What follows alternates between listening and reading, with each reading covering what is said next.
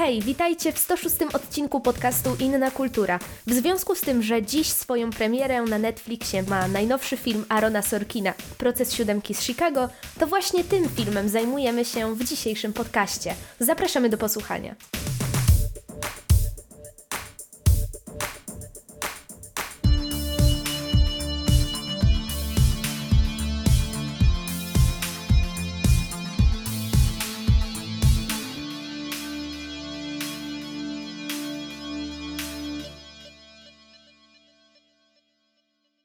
Dzień dobry, witamy w odcinku numer 106 podcastu Inna Kultura. Jest to drugi odcinek piątego sezonu, który parę dni temu rozpoczęliśmy. Jest ze mną Julia, cześć Julio. Cześć Janie, witaj. I jest oczywiście Michał, Michał Kaczoń, bo ostatnio powiedziałem bez nazwiska i... Witaj Janie. Jak tam u was, jak tam u was? Mm, w porządku. Wszystko dobrze? Zdrówko dopisuje? Z tym różnie, ale ale nie, nie, nie narzekamy. To dobrze, dobrze. Trzymajmy się wszyscy zdrowi, bo teraz są kiepskie czasy, jeśli o to chodzi. Z dnia na dzień dowiadujemy się, że coraz więcej osób jest tym świństwem zarażona, no ale mam nadzieję, że jak największa liczba osób będzie z tego wychodzić. Dzisiaj będziemy rozmawiać przede wszystkim o filmie Proces Siódemki z Chicago, który w dniu dzisiejszym, w którym wyszedł ten podcast, pokazał się również na Netflixie. Mm, jest to najnowszy film Arona Sorkina i myślę, że to może być całkiem ciekawa dyskusja, ponieważ przynajmniej z mojej strony jest tak, że ten film mi się spodobał. E, a, ale zanim do tego przejdziemy, to jeszcze chcielibyśmy mm, kontynuować taką naszą małą, nową tradycję, czyli polecić jakiś tam inne rzeczy, nad które nie, na, którym nie będziemy poświęcać większości odcinka, ale uważamy, że warto, żebyście o nich usłyszeli i zacznijmy może od Julii. E, tak, ja mam do polecenia dwa filmy. E, dlaczego wybrałam akurat te dwa filmy? Pierwszy powód jest taki, że obejrzałam je w tym tygodniu, a drugi powód jest taki, że e, jakby mają, e, biorą na warsztat ten sam motyw, e, przede wszystkim nauki kochania siebie, godzenia się z przeszłością i rozpoczynania nowego rozdziału w życiu. I pierwszy film to jest polski dokument. Właściwie sprzed, w, ty, w tym roku mogliśmy go oglądać na Millennium Dogs Against Gravity, gdzie na przykład zdobył Grand Prix Dolnego Śląska. Mm, I jest to film Lekcje Miłości Małgorzaty Goliszewskiej i Katarzyny Matei. E, opowiada historię 70-letniej, niespełna 70-letniej e, kobiety, Joli, która dotąd e, żyła ze swoim agresywnym mężem alkoholikiem we Włoszech i sześciorgiem dzieci bodajże. Właściwie robiła wszystko e, tak, żeby wszyscy wokół niej byli zadowoleni, e, tak, żeby zadowolić męża, żeby zadowolić otoczenie, i pewnego dnia zbiera się w sobie, e, odchodzi od męża i wraca do Polski, gdzie jako, że jest niesamowicie przebojową kobietą, taką, taką fajną babką, jakby to, jakby to ktoś powiedział, Mm, to po prostu idzie na lekcję śpiewu, idzie na lekcję tańca. Ona jest e, wręcz postacią niczym wyjętą z dwudziestolecia międzywojennego. E, ubiera takie długie sukienki, śpiewa piosenki Hanki Ordonówny. E, no jest po prostu wręcz taka ikoniczna. Na jej drodze pojawia się mm, mężczyzna Wojtek który traktuje ją jak królową. Jest wręcz dla niej po prostu no, ona jest dla niego takim, takim światełkiem. Tylko pytanie, czy po tylu latach życia w toksycznym związku e, jest ona gotowa zaufać jeszcze e, mężczyźnie, kiedy inny mężczyzna ją tyle lat e, krzywdził. Mm, jest to film niesamowicie ciepły, tak naprawdę bohaterka jest niesamowitą y, osobą i dla niej samej warto ten film obejrzeć. Równocześnie twórczynie nawiązały z nią na tyle fajną relację, że y, jest w tym dużo takiej szczerości, bliskości. i po prostu e, widać, że ona sama jest dla nich wyjątkowa, że ta historia, kiedy one ją usłyszały, to to po prostu faktycznie zro zrobiła, może nie tyle zrobiła na nich wrażenie, co po prostu je jakoś ujęła. No, ten film podejmuje gdzieś tam tą tematykę e, życia e, wbrew sobie, życia, e, pod, ży, życia według oczekiwań innych e, przez wiele lat, a potem nagle e, przerwania tego życia i uczenia się od nowa. E, przede wszystkim miłości do, miłości do samej siebie, a następnie zaufania. Myślę, że naprawdę warto obejrzeć, tym bardziej, że właśnie jest dostępny e, na HBO Go. E, trwa gdzieś tam nieco ponad godzinkę, e, a jest to naprawdę moim zdaniem jeden z najlepszych dokumentów polskich ostatnich lat. Jest też niesamowicie ładny, jeśli chodzi o jego warstwę audiowizualną.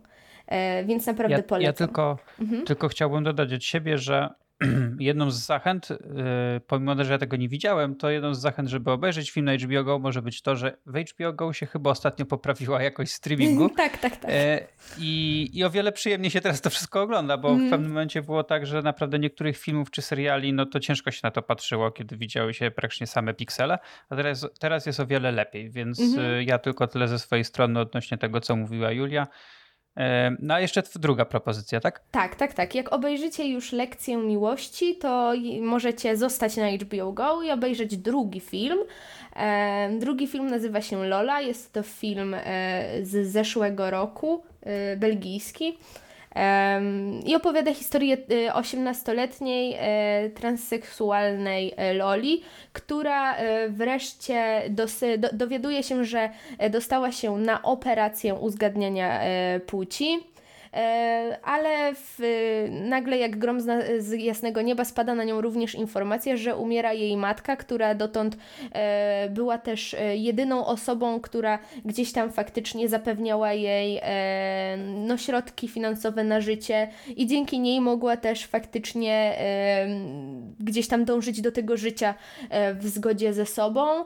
Co jest ważne, no Lola ma bardzo duży konflikt z jej ojcem, który wyrzucił ją zresztą z domu i po śmierci matki okazuje się, że matka ma takie życzenie e, też, żeby ojciec i e, żeby Lola i jej ojciec um, zawieźli do ich rodzinnego domu e, jej prochy. Jest to przede wszystkim no, również historia gdzieś tam e, o godzeniu się z przeszłością, o tej nauce kochania siebie, odzyskiwaniu zaufania znów. Pojawiają się bardzo podobne motywy, mimo iż tak naprawdę tematyka jest e, zupełnie inna i też właściwie opowiadają o e, pierwszy film, Lekcja Miłości, opowiada o e, kobiecie tak naprawdę, które już, e, co zresztą też jest motywem filmu, której już niewiele lat zostało tak naprawdę tego życia, a drugi film opowiada o 18-letniej, drugi film Lola zresztą, opowiada o 18-letniej Loli, która dopiero w to życie wkracza. Oba są dostępne na HBO Go, e, oba nie należą do filmów najlżejszych, nie należą do filmów najcięższych, są gdzieś tam w tym środku. E, który, ale są też niesamowicie ciepłe, niesamowicie szczere. Myślę, że oba warto obejrzeć i ja niesamowicie zachęcam. Tym bardziej, że są oba dostępne na HBO Go, gdzie mamy lepszą jakość streamingu ostatnio. Super. Ja na pewno sobie rzucę na to okiem w wolniejszej chwili, więc, więc fajnie i dzięki. Ja, ja ze swojej strony chciałbym też polecić dwie rzeczy. Pier, pierwsza rzecz to jest y, taki serial dokumentalny, przyrodniczy Mały Świat, który pojawił się niedawno na Apple TV+. Bardzo krótki, bo to jest 6 odcinków y, po jakieś 30 minut. E, jest to pierwsza produkcja Apple od, o tematyce takiej przyrodniczej i to się tak trochę spina z tym, o czym mówiliśmy w poprzednim odcinku, czyli o tym filmie Davida Attenborough, tylko mm. no, ten serial nie jest aż tak dołujący, ponieważ on ma przede wszystkim pokazać nam e, ten cudowny i wspaniały świat e, małych zwierząt w świecie przyrody, tak jak właśnie wskazuje tytuł tej produkcji. Podobny, podobny chyba serial dokumentalny jest również na na Netflixie, ale ten jest o wiele lepiej zrealizowany, jest y, ciekawszy. Y, zdjęcia są naprawdę super. Jest tu trochę takiego e, innego i bardziej świeżego spojrzenia niż na przykład w produkcjach y, od BBC. Mimo wszystko tutaj nie zobaczymy tak naprawdę niczego nowego. Nie jest, nie jest to produkcja odkrywcza, ale jest e, naprawdę taka, do, dobrze się ją ogląda, zwłaszcza, że e, narratorem e, w całym serialu jest Paul Rudd. Mm, I tutaj jest takie wink-wink, ponieważ jest to serial Mały Świat, a Paul Rudd przecież się w wcielał w MCU, więc bardzo fajny, oczywiście zamierzony zabieg. Jeżeli macie Apple TV to, to obejrzyjcie sobie, bo tak jak mówię, to nie jest długie, a bardzo fajnie się to ogląda, więc na przykład do jakiegoś śniadanka albo po prostu, żeby na zakończenie dnia, żeby sobie w przyjemny sposób dzień, e, dzień zamknąć, to, to gorąco polecam. Jeżeli macie możliwość, to też zachęcałbym do oglądania na, e, na telewizorze, tak żeby poczuć tą wysoką, wysoką jakość. No ale jeżeli nie macie takiej możliwości, to obejrzyjcie tam, gdzie, gdzie możecie. A e, drugą produkcją, którą też gorąco polecam, która też nie jest długa, jest to produkcja dostępna na HBO Go, to serial mm, kryminalny, można powiedzieć, Des. E, jest to mini serial, który ma trzy odcinki po około tak 50 minut. Jest to serial oparty na faktach. Opowiada on o szkockim seryjnym mordercy, który w 1983 roku został złapany. No i okazało się, że człowiek ten zabił około tam chyba 15 osób. I potem te, te trupy trzymał e, u siebie w domu albo w drugim domu i złapano go tak. I to nie jest duży spoiler, bo to jest właściwie na samym początku, bo cały serial jest właściwie taką rekonstrukcją procesu tego mordercy. Okazało się, że gdzieś tam yy, części ciała zapchały odpływ rynny czy, czy coś takiego i po prostu zostało zgłoszone doniesienie i od razu właściwie go złapano. On się od razu przyznał. No i potem opowiadał yy, różne rzeczy, co, co, co robił. Główną rolę gra David Tennant, znany między innymi, yy, on chyba się w Doktora Who w pewnym momencie wcielał, jeśli tak, dobrze tak, tak. pamiętam. Tak. W Harrym Potterze też grał w jednej części, bodajże w czwartej. Więc nie chcę tutaj też za dużo zdradzać, ale jest to całkiem, całkiem sprawny i całkiem ciekawy miniserial. Trzyma w napięciu, y, jest świetnie zrealizowany, świetna główna rola, ale mm, nie tylko rola tytułowa tutaj jest dobra, tylko bardzo dużo ciekawych aktorów się tutaj przewija. Y, czuć taki klimat, że to jest produkcja brytyjska, y, a nie amerykańska, więc jeżeli lubicie właśnie brytyjską telewizję i jeszcze y, ten gatunek kryminalny, to powinien się wam ten serial spodobać. Jeżeli y, wy, Julię i Michał, widzieliście albo macie zamiar obejrzeć, to ja bym z chęcią sobie kiedyś do tej pozycji wrócił i opowiedział ją trochę szerzej. Tutaj chciałem ją po prostu gorąco polecić, bo ja trochę słyszałem dobrego o niej, ale tak odkładałem delikatnie seans i w weekend udało mi się nadrobić. Więc y, jeżeli ktoś jeszcze nie widział, to odpalcie sobie HBO Go, bo to dzięki tej produkcji zauważyłem, że jest lepsza jakość na tej platformie, y, więc obejrzyjcie sobie. Mm, polecam raz jeszcze. Mm, no, na pewno, na pewno zajrzymy. Ja szczerze mówiąc właśnie odkła odkładam tą produkcję, y, odkładam tę produkcję nadal i mm, cóż, może za zachęciłeś mnie jeszcze bardziej, więc myślę, że na dniach obejrzę. Michał, czy ty żyjesz? Tak, Okay. Mam się całkiem dobrze. To dobrze. Słucham, słucham waszych polecajek, bardzo mi się podobają. Yy, większość z tych produkcji też o nich słyszałem wcześniej, też od innych osób, że są dobre, więc wasze zachęty są jakby taką kropką nad i, żeby rzeczywiście w wolnym momencie zobaczyć. Także yy, być może będziemy mogli o nich porozmawiać w niedalekiej przyszłości. Czyli bądźcie jak Michał, poczujcie się zachęceni. tak. Yy, no to co, przechodzimy od razu już do naszego tak. głównego tematu, tak? No to teraz oddajemy głos e, Michałowi. Tak, dziękuję bardzo. E, głównym tematem dzisiejszego odcinka jest film Proces Siódemki z Chicago. Jest to produkcja bieżąca z tego roku i jest to drugi film w reżyserii Arona Sorkina, który jest również scenarzystą tego projektu. I to jest opowieść bazująca na faktach i bazująca też na kilku książkach.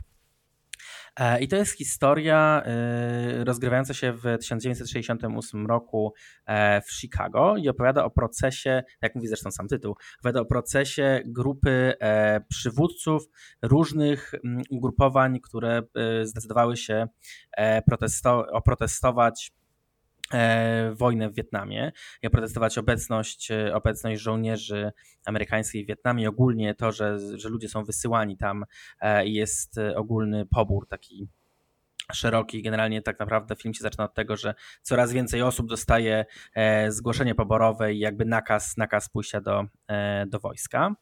E, I to, jest, I to jest produkcja, która mm, opowiada właśnie o tym, jak tak naprawdę pokojowa demonstracja przerodziła się w coś, w coś większego, większe starcie nie tylko z policją, ale też z Gwardią Narodową i jak tak naprawdę jakie są konsekwencje polityczne i, i personalne tego, co się w zasadzie wydarzyło. E, latem 68 roku. E, I to jest, to jest historia, która już kilkakrotnie była e, przekładana na ekran. Była też, jak już wspomniałem, też była mm, jakby była też były parę publikacji na ten temat. No i Aaron Sorkin postanowił w tym roku, akurat w tym roku, tak, czyli w, w kolejnym roku wyborów amerykańskich, przedstawić tą historię na nowo, pokazać pokazać ją od strony samego właśnie procesu i po, tak jak wyglądała ta sytuacja, e, jeśli chodzi o te różne ugrupowania, jakby co, w zasadzie co próbowały te osoby osiągnąć, a też jakby jak system próbował e, załamać poszczególne jednostki, próbował pokazać jakby siłę państwa nad, nad jednostką i siłę państwa nad, nad takim samostanowieniem i możliwością wyrażenia swojego sprzeciwu. E, no i ten film, tak, ten film jest rzeczywiście w gwiazdorskiej, w gwiazdorskiej obsadzie, do tego na pewno do przejdziemy. E, no i tak, w zasadzie tak by, jeśli chodzi o skrót fabularny, to, to tyle. No ja przyznam szczerze, że to był jeden z takich filmów, na które czekałem najbardziej, chyba w tym roku, odkąd dowiedziałem się, że będzie. No wszystko to za sprawą właśnie Arona Sorkina, którego jako scenarzystę przede wszystkim, no uwielbiam. Właściwie no, chyba nie ma produkcji, do której on pisał scenariusz, który bym nie lubił. Mogą być takie, które tam mogę lubić trochę mniej, ale generalnie ja go bardzo podziwiam za to, co on robi i przede wszystkim za to, co zrobił dla telewizji, czyli e, to się chyba prezydencki poker, poker nazywało mm -hmm, po tak, polsku, tak, tak, West Wing.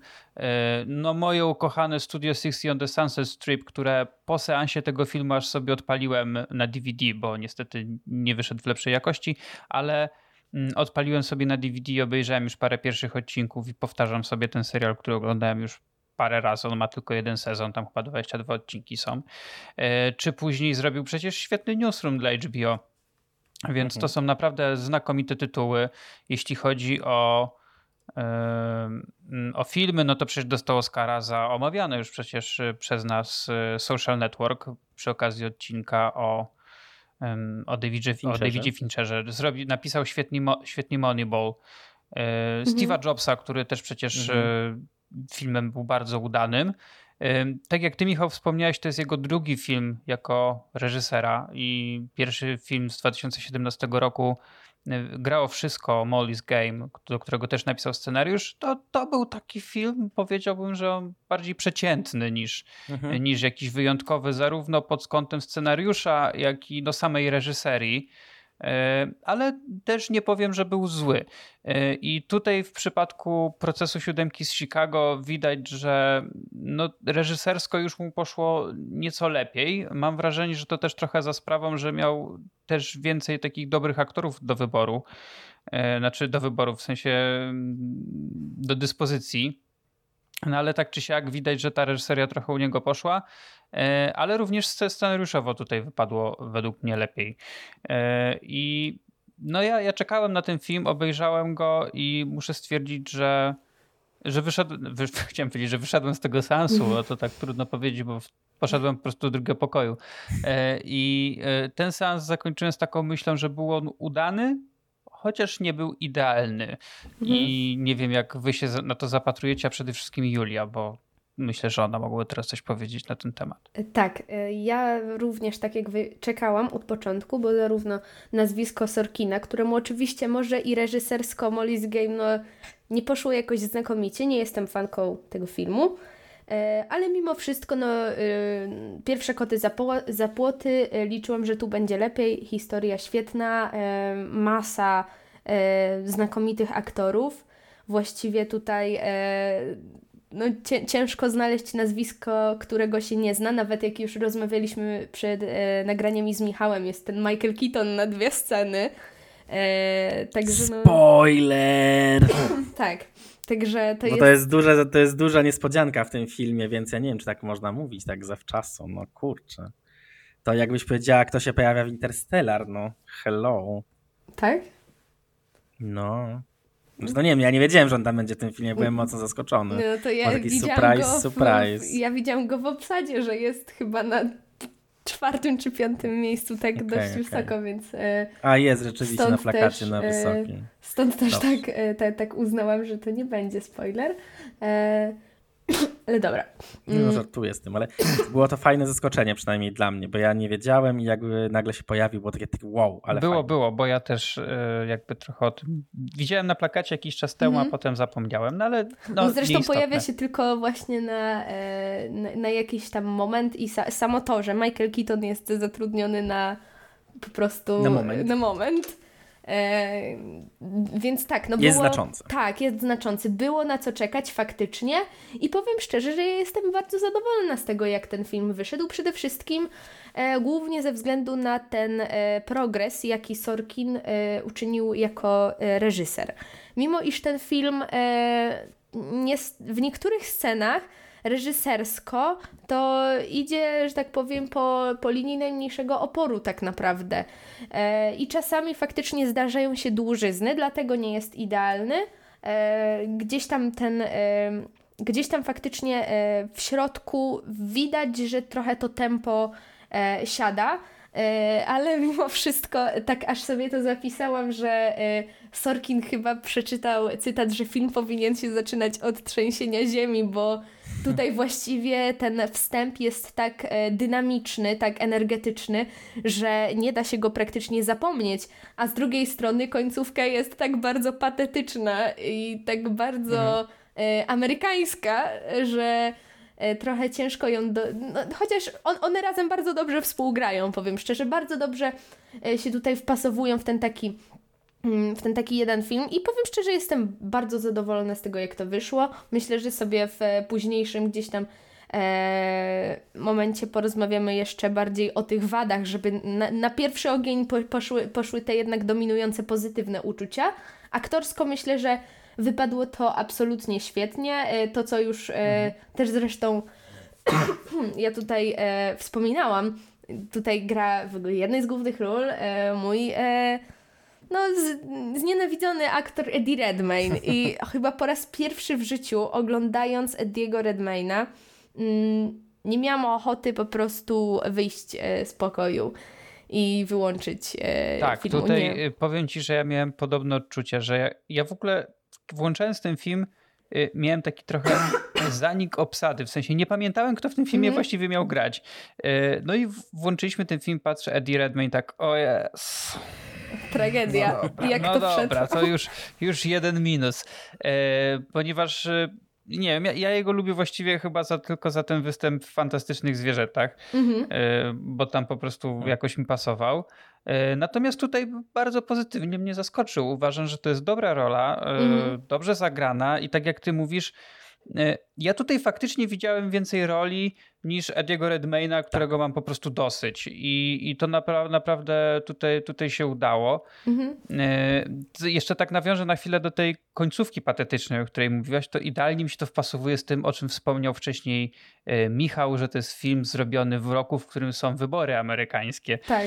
e, prezydenckie, Mhm. więc to tak właśnie taki mocny właśnie wydźwięk ma, że trzeba wszystko zgodnie z prawem i, i też oddać hołd takim prawdziwym Amerykanom i w ogóle, więc tutaj... mimo iż ten film w sumie To- swoje przeleżał, bo on przeleżał ponad dekadę, jeśli Mhm. chodzi o sam scenariusz. E, on miał No już... wa- Mhm. Właśnie, właśnie dodam tylko, że właśnie ten motyw z tym, że on wychodzi w tym roku, w roku wyborów prezydenckich i teraz Julia, zaraz ci oddam głos o tym, że on długo przeleżał, to właśnie Sorkin przepisał ten scenariusz, żeby tak mocno podbić te elementy e, właśnie tej, mm, tej demokracji oddolnej i tego, że ludzie sami mogą decydować. Tak. dlatego te elementy się tak mocno pojawiły w tym filmie i dlatego to ma znaczenie, że ten film wychodzi właśnie teraz i wychodzi też tak naprawdę tuż przed, e, e, przed terminem wyborów tak naprawdę, Mhm. więc to ma znaczenie i teraz mogę ci oddać tą, do tej historii, ile on przeleżał. Tak, on przeleżał praktycznie 13 lat prawie, że jeśli, y, jeśli liczyć do czasu y, tej premiery, y, ponieważ jakby Sorki, Sorkin, Sorkin pisał ten film w 2006-2007, Spielberg miał też produkować, No i właściwie tam jeszcze Heath Ledger miał właściwie grać tą rolę, którą gra tutaj e, Eddie Redmayne, z tego co, z tego, co pamiętam. Mhm. E, Will Smith gdzieś tam był bodajże w obsadzie, no ale przyszedł e, strajk scenarzystów e, 2007 roku, on trwał e, 100 dni chyba. I właściwie w ciągu tego czasu już e, ty, ty, tyle rzeczy się po drodze wydarzyło i sam strajk no, miał jednak e, miał jakieś podłoże, e, no że ten film musiał swoje przeleżeć i tak jak Michał już mówił, dojrzał do tego e, zaszczytnego momentu, żeby Sorkin mógł go przepisać, zrobić z niego po prostu taki demokratyczny e, manifest wręcz, więc mhm. prodemokratyczny manifest. O. Ja właśnie tutaj dodam, bo też już się przewijało kilka razy, że ten film jest lepszy od Molly's Game. I moim zdaniem, mm, ja się z tym w pełni zgadzam. I moim zdaniem, właśnie częścią tego, dlaczego on jest lepszy od Molly's Game, jest właśnie to, że e, to jest film, który jest dużo bardziej w konkretnych ramach. Znaczy, w mhm. sensie dostajemy historię, która jest e, filmem właśnie sądowym, opowiadającym o procesie sądowym, więc jakby jest konkretne, mamy konkretny sztafaż tych produkcji, wiemy do czego się odnosić, więc mi się wydaje, że właśnie Sorkinowi było łatwiej e, jakby, jakby się wpisać w te konkretne ramy, ponieważ on jakby się dobrze odnajduje też jakby w, w takich produkcjach, w których jakby wiadomo, jakby jakie są określone zasady i on może w takim razie przepisać na nowo, pokazać je w nowy sposób, tak? Mhm. E, to też na przykład właśnie bardzo dobrze widać w tych jego filmach biograficznych, tych, które tak wysoko stawiamy, o których rozmawialiśmy w poprzednich odcinkach, e, czyli w Social Network i w Steve Jobsie, bo to jest też tak, że to są też właśnie film biograficzny też się konkretnymi zasadami um, prowadzi i on jakby na własną modłę poprowadził te filmy i opowiedział je jakby z innej perspektywy. na przykład w Steve Jobsie moim zdaniem to jest genialnie pokazane, że jest tak naprawdę jakby jakby całe życie pokazane tak naprawdę w takich trzech głównych sekwencjach, tak? E, I to jest też coś jakby takie odejście od takiego typowego biopika, w którym mamy od początku kariery do końca, tylko właśnie te trzy sceny, e, te trzy sekwencje, które jakby prowadzą i pokazują tego człowieka z bardzo różnych stron. Tutaj też właśnie to, że jest ten sztafaż tego filmu sądowego też mu pomogło, jakby też fakt, że mamy po prostu ograniczone przed miejsce, także jakby cała większość akcji się dzieje na sali sądowej bądź w tym parku, w którym się odbywał ten protest. Bardzo mocno mu umożliwiło też jakby budowanie napięcia, e, ponieważ jakby mamy zamknięte ramy tego, gdzie się dzieje, gdzie się dzieją te wydarzenia i jakby konkretne, jakby mamy podbudowanie napięcia z każdą kolejną sekwencją. E, I to rzeczywiście się bardzo dobrze, bardzo dobrze udało w tym filmie. E, I rzeczywiście, tak jak Julia powiedziała, on też jest bardzo dynamiczny na początku. Ten początek jest rzeczywiście bardzo, e, bardzo taki wrzucający nas w jakby w trochę wir wydarzeń, pokazujący nam różne perspektywy. To się bardzo dobrze ogląda, bo to jest rzeczywiście żwawe, ma, ma dobre tempo. E, ci bohaterowie też są rzeczywiście bardzo wyraziście zarysowani.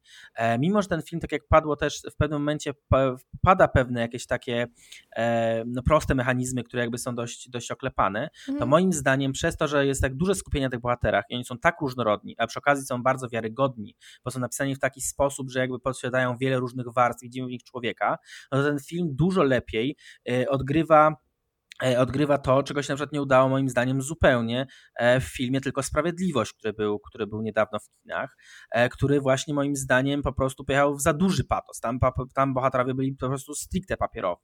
Tam ja nie widziałem, nie widziałem ludzi, ja widziałem po prostu człowieka z papieru. Tak jak naprawdę wydawało mi się, że przed tym filmem jakby nie wiedziałem trochę o co chodzi, kiedy ludzie używają tego sformułowania, bo zwykle jednak postaci, nawet jak były napisane mm, średnio, to jednak i tak widziałem jakieś człowieczeństwo. Natomiast właśnie w filmie Tylko Sprawiedliwość Sprawiedliwość widziałem po prostu tylko ideę i jakby totalnie nie widziałem postaci. W tym główna na przykład postać Michaela B. Jordana to dla mnie była po prostu jakaś tragedia, bo tak jakby nikt się tak nie zachowuje. No tak, to, był taki, właśnie... to był taki patetyczny film z połowy lat 90. zrobiony tak. do telewizji, nie? Taki Dokładnie po prostu opowiedzieć tak. o idei, a nie o tym, o, o bohaterach.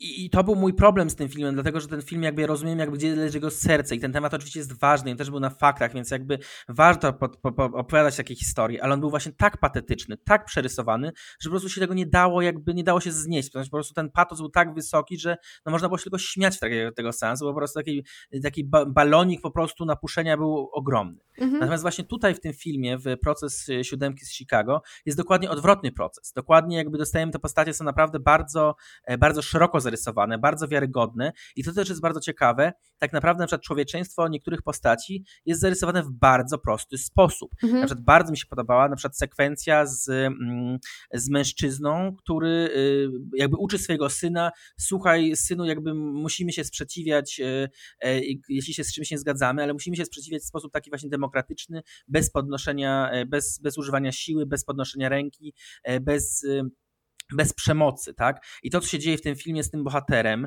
e, i z tym, że się okazuje, że nagle jest taki moment takiego przełomu, w którym się okazuje, że być może są sytuacje, w których jednak nie można bez przemocy, jest po prostu takim mega dramatycznym momentem, a to jest właśnie zabudowane w bardzo prosty sposób, e, właśnie tym, że dostajemy jedną scenę, w której on mówi temu synowi jedną prostą rzecz. I właśnie w ten sposób się buduje jakiś taki e, jakby zażyłość z bohaterem i to ugruntowuje się też go w jakimś takim kontekście szerszym i pokazuje jakąś taką wiarygodność i prawdziwość. Mimo, że z drugiej strony ta, te, ten motyw też jest w jakiś sposób oklepany, no to właśnie przez to, że dostajemy go tak poprowadzonego w takim momencie tej historii, czyli na samym początku -hmm. i potem on wraca w połowie seansu, to właśnie dzięki temu jakby on, on dostaje jakiejś wiarygodności. E, I to jest właśnie ta siła też Sorkina w tym, że on naprawdę potrafi pisać te postaci i potrafi mm. je dobrze, e, dobrze rzeczywiście rozrysować też na takim planie mm, jakby aktowym, aktowym właśnie trzech aktów, jakby kiedy co się powinno wydarzyć, mm. żeby jak najmocniej na widza oddziaływało. Więc I, to mi się bardzo podobało. I tego bohatera gra świetny John Carroll Lynch, e, którego pamiętamy z Zodiaka, między innymi Davida Finchera. Mm, ja muszę powiedzieć, że też zapomniałem, że on w ogóle w tym filmie ma grać. I jak go zobaczyłem na tym ekranie, to było takie, że jak przy Redmaynie się troszkę podłamałem, to zobaczyłem e, Karola Lyncha i mówię, o, okej, okay, dobra, to już, już idziemy w tę lepszą stronę, jeśli chodzi o obsadę. I, I generalnie ten film ma dla mnie jedną dużą zaletę, E, tak dla mnie osobiście, że to jest dramat sądowy. Ja uwielbiam dramaty sądowe. Zawsze mi się te filmy świetnie ogląda i nawet jeżeli są one gorsze, tak jak wspomniany przez ciebie jeden tylko Sprawiedliwość, który no, no filmem jest, jest średnim, to mimo wszystko e, ten sens był dla mnie taki, że wiesz, że, że, że to nie, nie był taki moment, że chciałem wyjść z kina. Po prostu sam fakt dramatu sądowego zawsze mi trochę podnosi e, odbiór filmu ale tutaj to, nawet gdyby to nie był dramat sądowy, to sposób, jaki napisane są wspomniane przez ciebie postaci, czy ogólnie jak ten scenariusz jest poprowadzony, to to już jest coś, co sprawia, że chce się w tym filmie być. Ja pamiętam, że właśnie jak go oglądałem, to początek ten, tak jak wy mówiliście, że jest taki dynamiczny i to mówi, o okej, okay, dobra, jesteśmy na bardzo dobrej drodze, jest, y, Sorkin pokazuje to, co, co umie najbardziej. Y, potem trochę to siadło, ale zaraz znowu, y, znowu to wchodzi wyżej. Ten film jest taki mm, lekko, taką lekką sinusoidą, tylko że, że nie masz w tak dużych tych odchyleń. To nie jest tak, że nagle jesteśmy, że jesteśmy na szczycie, a potem jesteśmy gdzieś na dole, mhm. ale ładne, ładne jest takie tempo, pomimo tego, że gdzieś środku na chwilę to, to przysiada, to później już jak im bliżej końca jesteśmy, to coraz bardziej widać, że tutaj coś zaraz będzie eskalować, tak? Że mhm. zaraz, mhm. zaraz będzie e, mówiąc kolokwialnie, takie pierdolnięcie trochę, tak? Że, że coś mhm. się wydarzy i faktycznie i, mm, i bohater aktora, którego przynajmniej dwie trzecie tego podcastu nie za bardzo lubią. Coś się z nim dzieje i w końcu, pomimo tego, że on był przez większość sensu był jakiś, ale dla nas był taki trochę, no, taki, taki nijaki delikatnie. To potem wychodzi mhm. e, i, i, i, dowiadujemy się, e, zresztą no, można było się tego dowiedzieć, jeżeli znamy trochę historię, która stoi za mhm. tym filmem, e, że jakby on jest taką główną postacią tej historii, tak, taką jedną z głównych, tak. jest takim mhm. bohaterem, który tam decyduje o czymś w pewnym momencie. I, mhm. i, i, to jest super. I naprawdę, że tego się teoretycznie nie spodziewasz, a nagle to, to następuje, więc y, mm, no uważam, że dlatego ten mhm. scenariusz jest nawet naprawdę dobrze napisany. No tu wychodzi ta taka świadomość Sorkina, bo prawda mieliśmy e, też w tym roku serial o takim jakby ważnym wydarzeniu e, z punktu widzenia aktywistycznego, e, jeśli chodzi o Stany Zjednoczone, bo mieliśmy Mrs. America, gdzie był to serial i mieliśmy też dużo wyrazistych bohaterek i tam twórcy mogli sobie pozwolić na e, rozwlekanie i pisanie tych bohaterek faktycznie tak wielopoziomowo, ale faktycznie rozkładając je na czynniki pierwsze. A Sorkin jest tutaj świadomy, że ma dwie godziny z hakiem mhm. na przedstawienie tej grupy bohaterów. Nie zrobi tego jakoś nie wiadomo jak dokładnie, bo no, nie da rady w jednym filmie pokazać każdego z tych bohaterów tak niesamowicie rozpracować, bo nie ma na tyle czasu, więc po prostu bierze sobie, jest na tyle świadomym e, scenarzystą, że potrafi sobie gdzieś tutaj wydzielić, który powinien mieć, e, na, na kogo powinny być położone akcenty, w którym akcie i potrafi zarówno rozwinąć tego e, bohatera Coena, który jest przez cały film gdzieś tam mhm. faktycznie wypychany na pierwszy plan, jak i na koniec. Mm, przekręcić, że tak powiem, e, tą, odwrócić tą sytuację i położyć ten ostatni akcent na tego Haydena granego przez e, Redmayna. I to jest e, fajne. I zresztą jeszcze jeszcze zresztą tak naprawdę ta relacja właśnie pomiędzy, pomiędzy y, Baronem Cohenem a Edim Redmaynem też jest bardzo, bardzo ciekawie budowana przez cały ten film i właśnie kiedy następuje ten zwrot jakby spojrzenia, kto jest tym głównym bohaterem, to też jest po prostu jedna z najmocniejszych scen w tym mhm. filmie. W sensie komentarz, e, komentarz Abiego Hoffmana do Toma Haydena, e, w którym jakby on uznaje jego rację, jakby uznaje jakby jego osobę i jakby pokazuje, że jakby go mocno szanuje jako człowieka, jest mhm. jakby też takim jednym z highlightów tego tej opowieści. I właśnie też jest świetnie zbudowane e, też zarówno aktorsko, ale właśnie też jakby, drama, jakby dramaturgicznie, że następuje w takim momencie, rzeczywiście jakby odnosi jakieś konkretne e, jakby przeżywamy konkretne emocje z tym związane. W sensie to jest rzeczywiście taki moment bardzo wyrazisty, e, który jakby pokazuje też jakby, tak jak właśnie Julia powiedziała, jakby też takie trochę oddanie, oddanie tego E, takiego oczka e, spojrzenia samego widza, w sensie tego, kogo uznajemy właśnie za tą, za tą, postać, e, za tą postać główną tak naprawdę. No, dla mnie też, też ogromnym właśnie wyczynem jest to, że tak jak właśnie też padło, że no, rzeczywiście to są tylko dwie godziny tego filmu, a bohaterów jest rzeczywiście dużo, bardzo dużo. I, i też bardzo mi się podoba też ta samoświadomość um, Sorkina, o której wspomniała Julia, dlatego, że w pewnym momencie tego filmu pojawia się, jest też dwójka bohaterów, e, którzy, którzy mówią w zasadzie wprost z ekranu, E, że oni sami nie wiedzą, co oni tam robią, i trochę się czują, jakby zostali, e, jakby zostali nominowani do Oscara, ale oni w zasadzie wiedzą, że nie dostaną tej statuetki, ale jest, czują, się, e, czują się dobrze, bo chociaż mogli być wspomnieni, mogli być nominowani. I to tak naprawdę jest jakby też takie, poza tym, że puszczenie oczka, bo wiadomo, że ten film rzeczywiście ma duże bardzo szanse, żeby dostać jakiekolwiek nominacje, to druga sprawa jest taka, że Sorkin tym zdaniem też pokazuje właśnie, że ja wiem, że mamy dużo bohaterów, więc jakby ja specjalnie jakby tą dwójkę jakby pominę trochę, znaczy w sensie nie, nie będę rozwijać tak mocno, jakby ja ja wiem, że wy wiecie, dlaczego ja to robię. I to jest rzeczywiście bardzo ciekawy też zabieg, e, który pokazuje właśnie tą świadomość jego jako scenarzysty i tego, tej umiejętności rozkładania akcentów. I równolegle właśnie też mm, postać Davida Dellingera, czyli Johna Carola Lyncha, też jest właśnie w tym względzie ważna, dlatego że on też jakby e, tak naprawdę też jest bohater, który jakby się nie przewija często w tym filmie, ale właśnie jakby to, że na samym początku dostajemy bardzo wyrazistą scenę, która potem powraca, to też właśnie pokazuje jakby jak dobrze e, Sorkin tym napięciem mm, operuje e, i w jaki sposób jakby jest w stanie tą uwagę widza przekładać tak, jak się powinno ją przekładać. Mhm. Więc to jest rzeczywiście bardzo dobrze, po prostu też przemyślany pod tym względem ten film.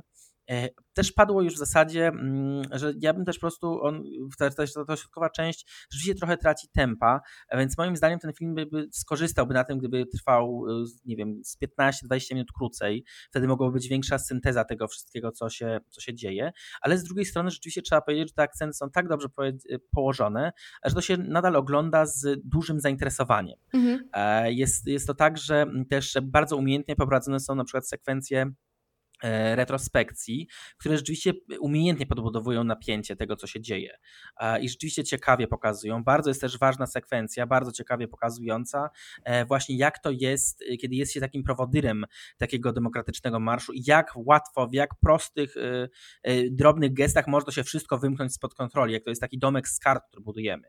I to jest rzeczywiście, te sekwencje też są bardzo dobrze poprowadzone. Bardzo też jest ciekawe mm, to, co, w czym też Spike Lee też często wykorzystuje, czyli to, że oni też celowo wykorzystują też elementy e, nagrań archiwalnych, tak, żeby przemieszać je z, mm. z, tymi, z tymi nagraniami e, filmowymi i to też bardzo dobrze się, bardzo dobrze się sprawdza, bo też jakby podbija właśnie ten, ten chaos i jakby pokazuje mm, właśnie ten, ten domek z kart, jak łatwo go przewrócić. E, ja jeszcze, jeszcze tak chciałem dodać, że ten film ma jedną bardzo dużą zaletę, gdyż y, no, opowiada nam o, y, o prawdziwej historii, która się faktycznie wydarzyła i była ważna przede wszystkim dla, mm, dla Amerykanów. I, I niezwykłe w tym filmie jest to, to jest jego bardzo duża zaleta, że poznając historię w filmie, mamy ochotę poznać bardziej tę historię y, faktyczną, tak? Dowiedzieć się czegoś na ten Mhm. temat, że nie wiem, otworzysz sobie chociażby Wikipedię po, po seansie i poczytasz o tym trochę, może potem poszukasz innych źródeł. Uważam, że to jest bardzo ważne w filmach, które e, bazują na autentycznych historiach, że chcemy właśnie tę wiedzę naszą o tych historiach tro- trochę rozwinąć. I ja tutaj na przykład tak miałem. E, oczywiście nie czytałem jeszcze za dużo, ale trochę, trochę tam sobie poszperałem, poczytałem trochę o tych postaciach, które mogliśmy zobaczyć w filmie i no to, to jest naprawdę jego bardzo duży plus. Jeszcze tak chciałem e, oddać taki mój mały hołd jednemu aktorowi, który się w tym filmie pojawia i ma bardzo wkurzającą postać, ale bardzo dobrze zagraną, czyli e, sędziego Hoffmana, granego przez Franka Langella. To też bardzo, bardzo dobra rola. Ja uwielbiam tego aktora, nie widziałem go od jakiegoś czasu na ekranie, bardzo mnie ucieszył fakt, kiedy go już zobaczyłem. E, no i faktycznie to jest taka postać, że jak oglądasz go, to masz ochotę wejść na tą salę sądową, po prostu podejść i wysoki sądzie, ja bardzo przepraszam, ale muszę panu dać wpysk. Mhm. Tak, i to też jest ciekawe, bo to też y, mogłoby pójść w stronę przerysowania, e, ale udaje się to utrzymać w takich rysach, że to jest nadal wiarygodne. E, że to jest jakby, że to jest na tyle, że nadal widzimy człowieka, nie widzimy tej karykatury, która mogłaby się stać w pewnym momencie. Jakby to jest tak dobrze napisane i tak dobrze inni bohaterowie komentują y, tego bohatera, e, że jakby nadal on jest wiarygodny. To też jest jakby wielki, mm, wielka umiejętność, bo właśnie znowu właśnie wrócę trochę do, do, do, do Sprawiedliwość, bo tam właśnie tego typu postać byłaby po prostu karykaturą, tam by się nie udała. Natomiast tutaj e, i właśnie i znowu scenariuszopisarsko, jak i aktorsko, to się rzeczywiście broni i jakby wierzymy, że tak, e, tak ta postać mogła wyglądać, No tak, tak, się mógł zachowywać. w bardzo prosty sposób mógłby zostać takim po prostu stereotypowym mm, e, rasistowskim sędzią, tak? Jak w tamtych czasach właśnie, właśnie bywało. Co zresztą no, ta jedna scena, która pokazuje stricte najbardziej y, rasizm, który, który był, e, też jest bardzo dobrze poprowadzona. Znaczy, bo ona też miała, też była bliska tego, żeby być przesadą, ale sposób, w jaki jest poprowadzona, jakby pozwala e, jednak wybrzmieć tym emocjom i jakby być nadal prawdziwa, mimo że no je, je, następuje tam jednak moim zdaniem lekka przesada, to jednak to, co się dzieje też tuż po tej scenie i w szczególności to, co się dzieje na przykład z bohaterem em, e, Redmayna, jakby pokazuje też jakby szerszy kontekst i jakby ustawia to jakby w innym świetle i pozwala właśnie jednak wybrzmieć trochę innym emocjom, niż właśnie się obrazić trochę na, na taką czarno, czarno-białą wizję świata. Jednak tam jest dużo tych odcieni, y, odcieni szarości, czy w zasadzie niektórzy też mówią odcieni tęczy, tak, że pomiędzy czernią i bielą jest y, całe spektrum koloru, więc tutaj rzeczywiście to, to się udaje uzyskać. Julia, masz coś E, jeszcze tak, do tak, tak, dodania? żyję.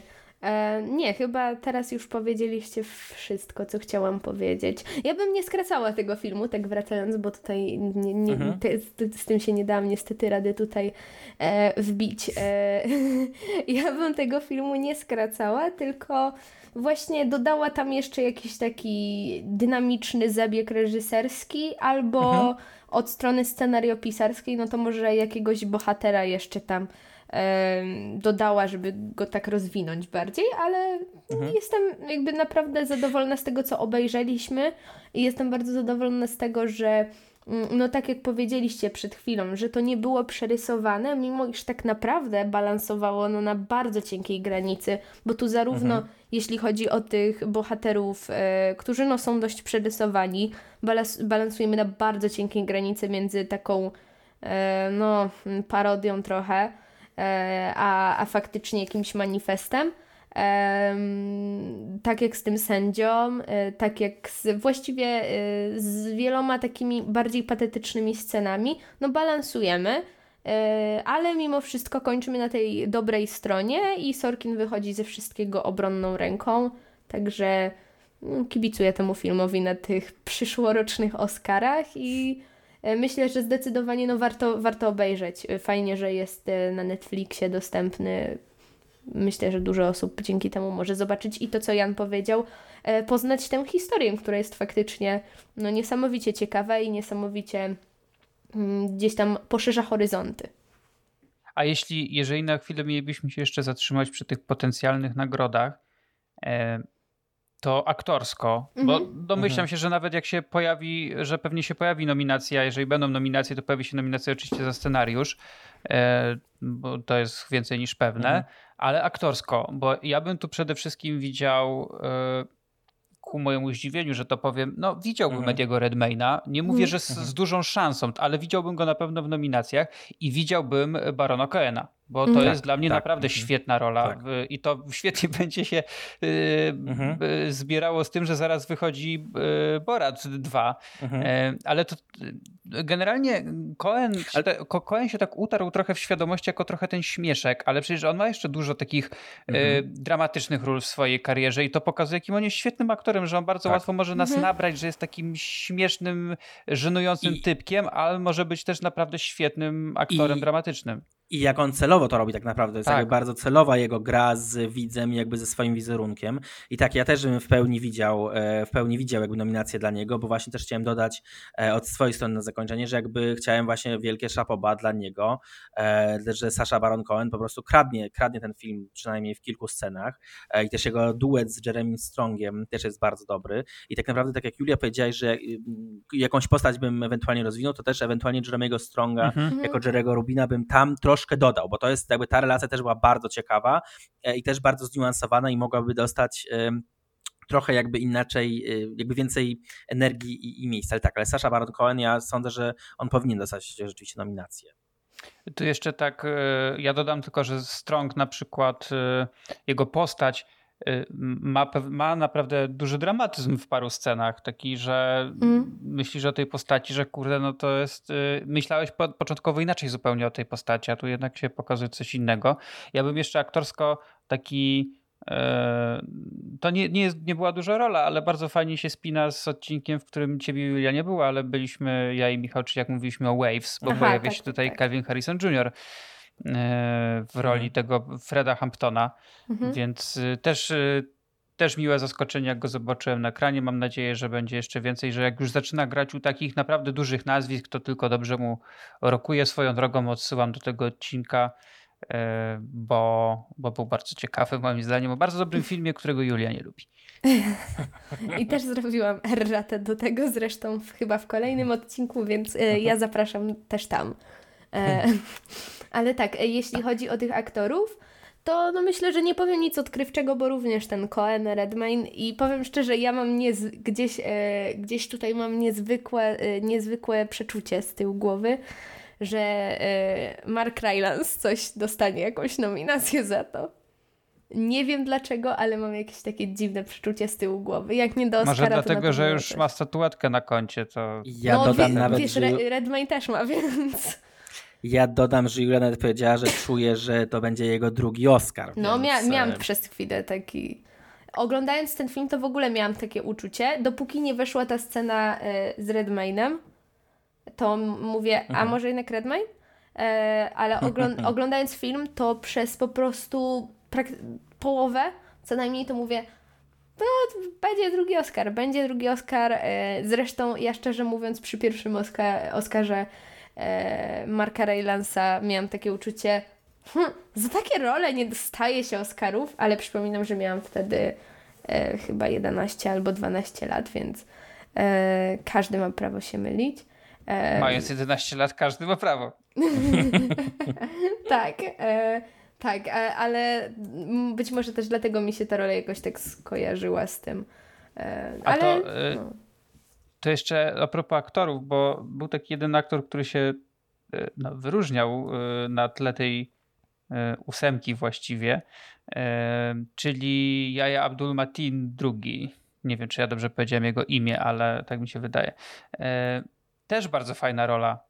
Mhm. Taka, e, ja w ogóle bardzo lubię tego aktora. On, on z każdą swoją produkcją pokazuje, że, że ma sporo do, po, do pokazania i do powiedzenia. No, miał świetną rolę w Watchmenach przecież e, Mhm. w, te, w telewizji. Watchmen byli chyba w zeszłym roku. Mhm. E, tak. więc, e, więc tutaj również e, pokazał się z naprawdę świetnej strony. Zresztą to była dosyć ważna postać dla przynajmniej części tej historii. Mhm.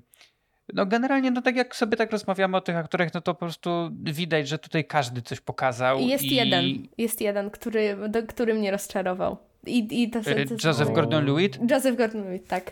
Mhm. No tak, tutaj trochę. Bo on się trochę zlewa z całością. Tak. Mhm.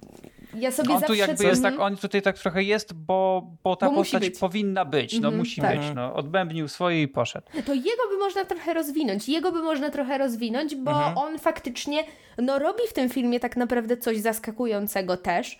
E, a to jest tak, e, tak średnio podbudowane i szczerze mówiąc, no samo to, że gra go taki aktor, e, jeden z takich, którzy naprawdę e, mają gdzieś specjalne miejsce w moim sercu, a ja totalnie nie pamiętam, że on w tym filmie Mhm. jest i Tak. że faktycznie odgrywa jakąś no ważną rolę.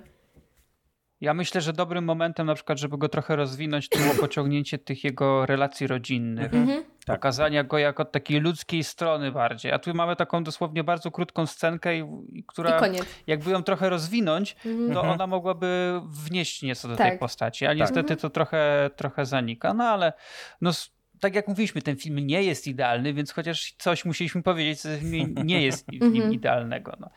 E, Okej, dobra, słuchajcie, no myślę, że powiedzieliśmy całkiem sporo na temat tego filmu, nie zdradzając przy okazji e, jakichś e, zagadnień fabularnych, żeby nie psuć ludziom e, seansu, jeżeli jeszcze tego filmu nie oglądali, bo tak jak zapowiadaliśmy na początku, no ten film dopiero się pojawił na Netflixie, więc pewnie część osób jeszcze go mogła nie zobaczyć. E, I cieszyłbym się, żeby tak było, bo to by znaczyło, że najpierw słuchacie nas, a potem dopiero oglądacie filmy, E, więc to bardzo fajnie. E, I co? To na tym skończymy chyba dzisiaj. Gorąco Chyba tak. polecamy ten film. No jeżeli, tak, jak, tak jak słyszeliście, nam się on podobał i myślę, że z, no z całego serca możemy powiedzieć, że warto poświęcić te dwie godziny któregoś wieczoru i obejrzeć najnowszy film Arona Sorkina pod tytułem Proces Siódemki z Chicago. Tak, Warto serdecznie zdecydowanie. polecamy. Tak. Okej, na tym kończymy 106 e, odcinek podcastu Inna Kultura. Zapraszamy za tydzień. Tak, za tydzień się słyszymy. Nie Mhm. mamy chyba w planach nic, nic takiego, żeby przerywać, więc słyszymy się za tydzień. E, Pewnie gdzieś tam na naszych profilach będzie jakaś mm, jakieś uchylenie rąbka tajemnicy, o czym będzie odcinek, bo ostatnio tak się ostatnio pojawiały takie, takie małe winki winki. E, I śledźcie nas, e, subskrybujcie, dajcie jakąś e, fajną ocenkę w Apple Podcasts. W razie czego możecie nas łapać na naszych socialach, na, na naszych prywatnych, na, na socialach podcastu, zadawać pytania, wdawać się w dyskusję. Serdecznie zapraszamy. I co? I do usłyszenia. Żegnamy się. Do usłyszenia. Do usłyszenia.